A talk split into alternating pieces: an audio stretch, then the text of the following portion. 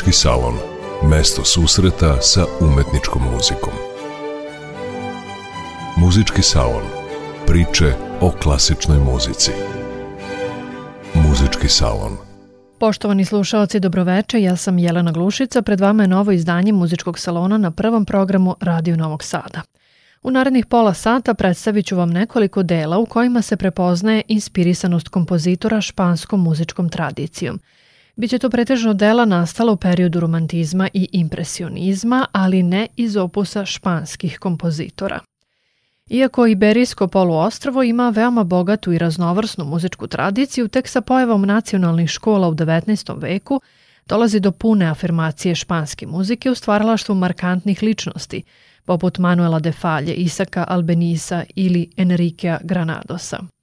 Međutim, uz njihova ostvarenja umetnička muzika je dobila i mnoštvo dela kompozitora iz drugih zemalja koji su se iz različitih pobuda okretali toliko privlačnom španskom muzičkom miljeu. Jedan od najinteresantnijih primera nalazi se još u epohi klasicizma u opusu italijanskog kompozitora i violončeliste Luigija Boccerinija, koji je rođen u gradu Luki u muzičkoj porodici. Kao putujući virtuoz na violončelu, Boccherini je želeo da ode u Pariz, tada svetsku prestonicu muzičkog izdavaštva, ili London, gde je mogao da se nada dobroj zaradi. Međutim, na poziv španskog ambasadora, Boccherini i njegov prijatelj, violinista Manfredini, također rodom iz Luke, odlaze 1768. godine u Aranjuez da nastupaju kao članovi operske trupe. Kada je dobio nameštenje u službi Infantea Don Luisa od Španije, brata kralja Šarla III, kao kompozitore e virtuozo da kamera, Boccherini provodi vreme u ruralnim sredinama te zemlje, pišući pretežno kamernu muziku. Zbog udaljenosti od glavnih muzičkih centara, ali i zbog toga što se njegov poslodavac oženio pripadnicom građanskog staleža, te mu nije bilo dozvoljeno da dolazi na španski dvor u Madridu, Boccherini nije bio u prilici da se posveti operskoj ili baletskoj muzici. U službi Infantea Don Luisa delovao je odličan gudački kvartet kojem se Boccherini pridružio kao spretan violončelista, pa nastaju brojni gudački kvinteti kao specifično obeležje umetnikovog opusa. A za temu naše današnje emisije posebno je interesantan kvintet La Musica Noturna de l'Estrade di Madrid – višestavačno programsko ostvarenje u kojem se dočaravaju zvuci i prizori noćnog života na ulicama Madrida. Zanimljivo je pročitati šta je Bokerini napisao svom izdavaču Plelu kada mu je poslao rukopis ove kompozicije. U opusu 30 naći ćeš jednu kompoziciju koja ima naslov Noćna muzika madridskih ulica. Ovo delo je potpuno neupotrebljivo, pa čak i smešno izvan Španije – zato što se publika ne može nadati da će razumeti njeno značenje, niti će izvođači znati kako treba da je izvedu. Zbog toga šaljem i jednu simfoniju. Delo je napisano 1780. godine, ali je objavljeno tek nakon Bokerijnijeve smrti 1822. godine. Slušamo sada odlomak iz te kompozicije u izvođenju kvinteta Bokerini. Muzika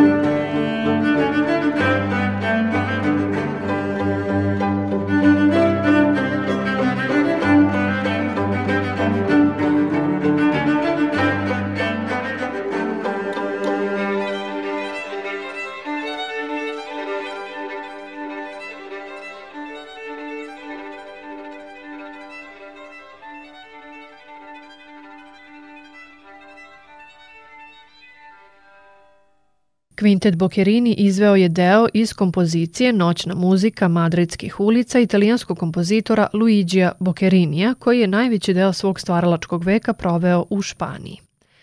Današnje izdanje emisije Muzički salon posvećeno je delima koja su nastala na osnovu inspirisanosti španskom muzičkom tradicijom.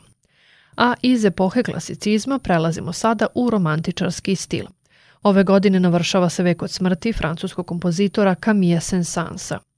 U njegovoj biografiji je zabeleženo da je od 70. godina 19. veka do smrti 1921. preduzeo ukupno 179 putovanja u 27 zemalja. Zbog posla najviše putovao u Nemačku i Englesku, ali je za odmaranje najčešće birao Alžir i Egipat.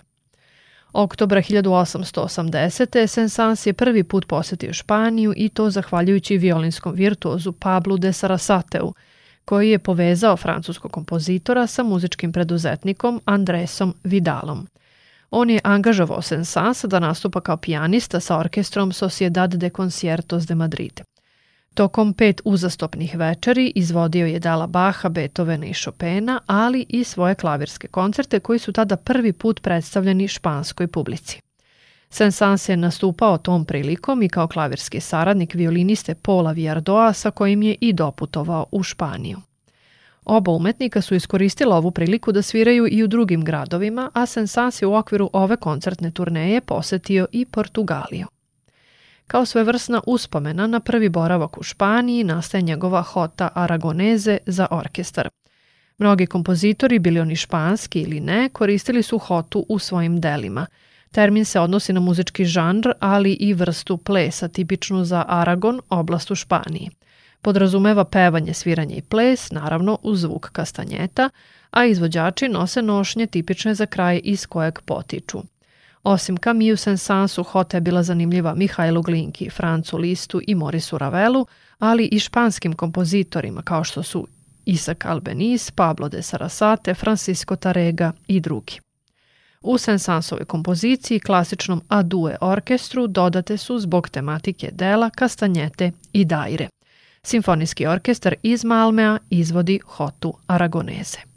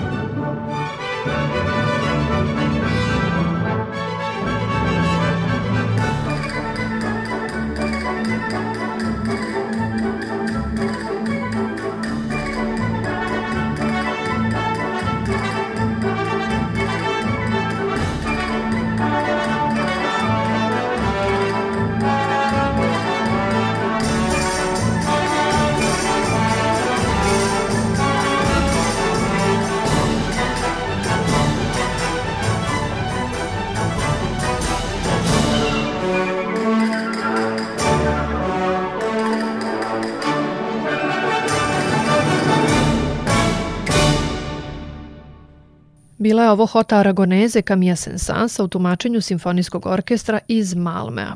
Čini se da su upravo francuski kompozitori bili najviše fascinirani španskim folklorom, što se može objasniti jednostavnom činjenicom. Francuska je ipak sused Španiji.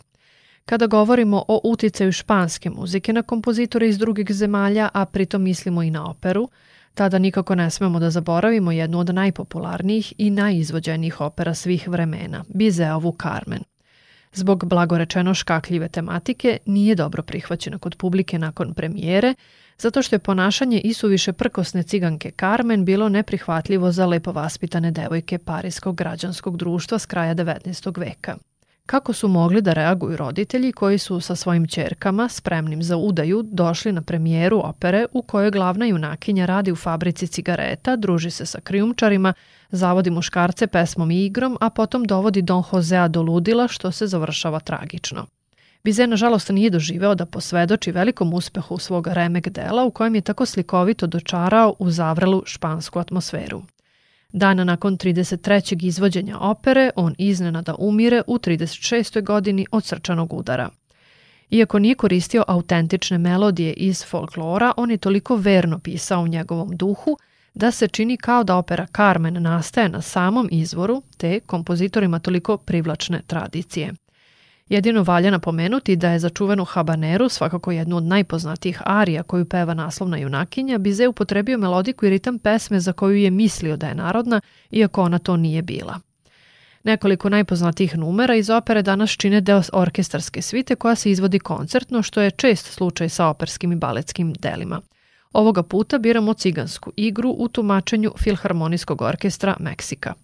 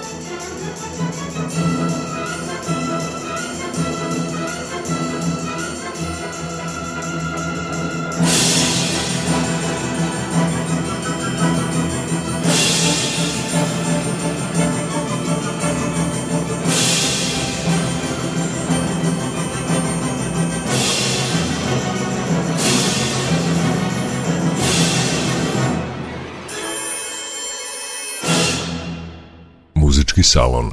Mesto susreta sa umetničkom muzikom. Bila je ovo ciganska igra iz opere Carmen Žorža Bizea, svirao je Filharmonijski orkestar Meksika pod upravom Enriquea Batisa. U emisiji Muzički salon govorimo o uticaju španske tradicije na evropske kompozitore. I u narednoj kompoziciji ostajemo u svetu francuskog stvaralaštva, ali iz romantičarske epohe prelazimo u impresionistički svet. Kada je Claude Debussy komponovao klavirski komad Veče u Granadi, njegov jedini dodir sa Španijom ticao se kratkog boravka, od svega nekoliko sati, u San Sebastianu, nekih 20 km severno od Madrida. Međutim, kako je zapisao čuveni kompozitor Manuel de Falja, francuski impresionista je savršeno evocirao duh španske muzike, iako se nijedan takt tog komada ne oslanja na folklornu tradiciju te zemlje. Debussy upotrebljava specifičan ritam u ovom delu, osminu sa tačkom i šestnaestinu, karakterističan za habaneru, a taj osnovni oblik varira na različite načine, često putem sinkopa. Ako vam se čini da muzika odiše nečim egzotičnim, što nema veze sa evropskom tradicijom, niste pogrešili. Debussy koristi arapsku i celostepenu lestvicu koje ne predstavljaju sastavni deo klasičnog harmonskog jezika zapadnoevropske muzike. Poseban izazov za pijaniste krije se u tome što se značajan deo komada kreće u tihoj dinamici, a za prepoznatljivi španski štimung zaslužna je i uspela imitacija različitih instrumenta poput kastanjeta i gitare. Klavirski komad Veče u Granadi Kloda Debussija izvodi Rita Kinka.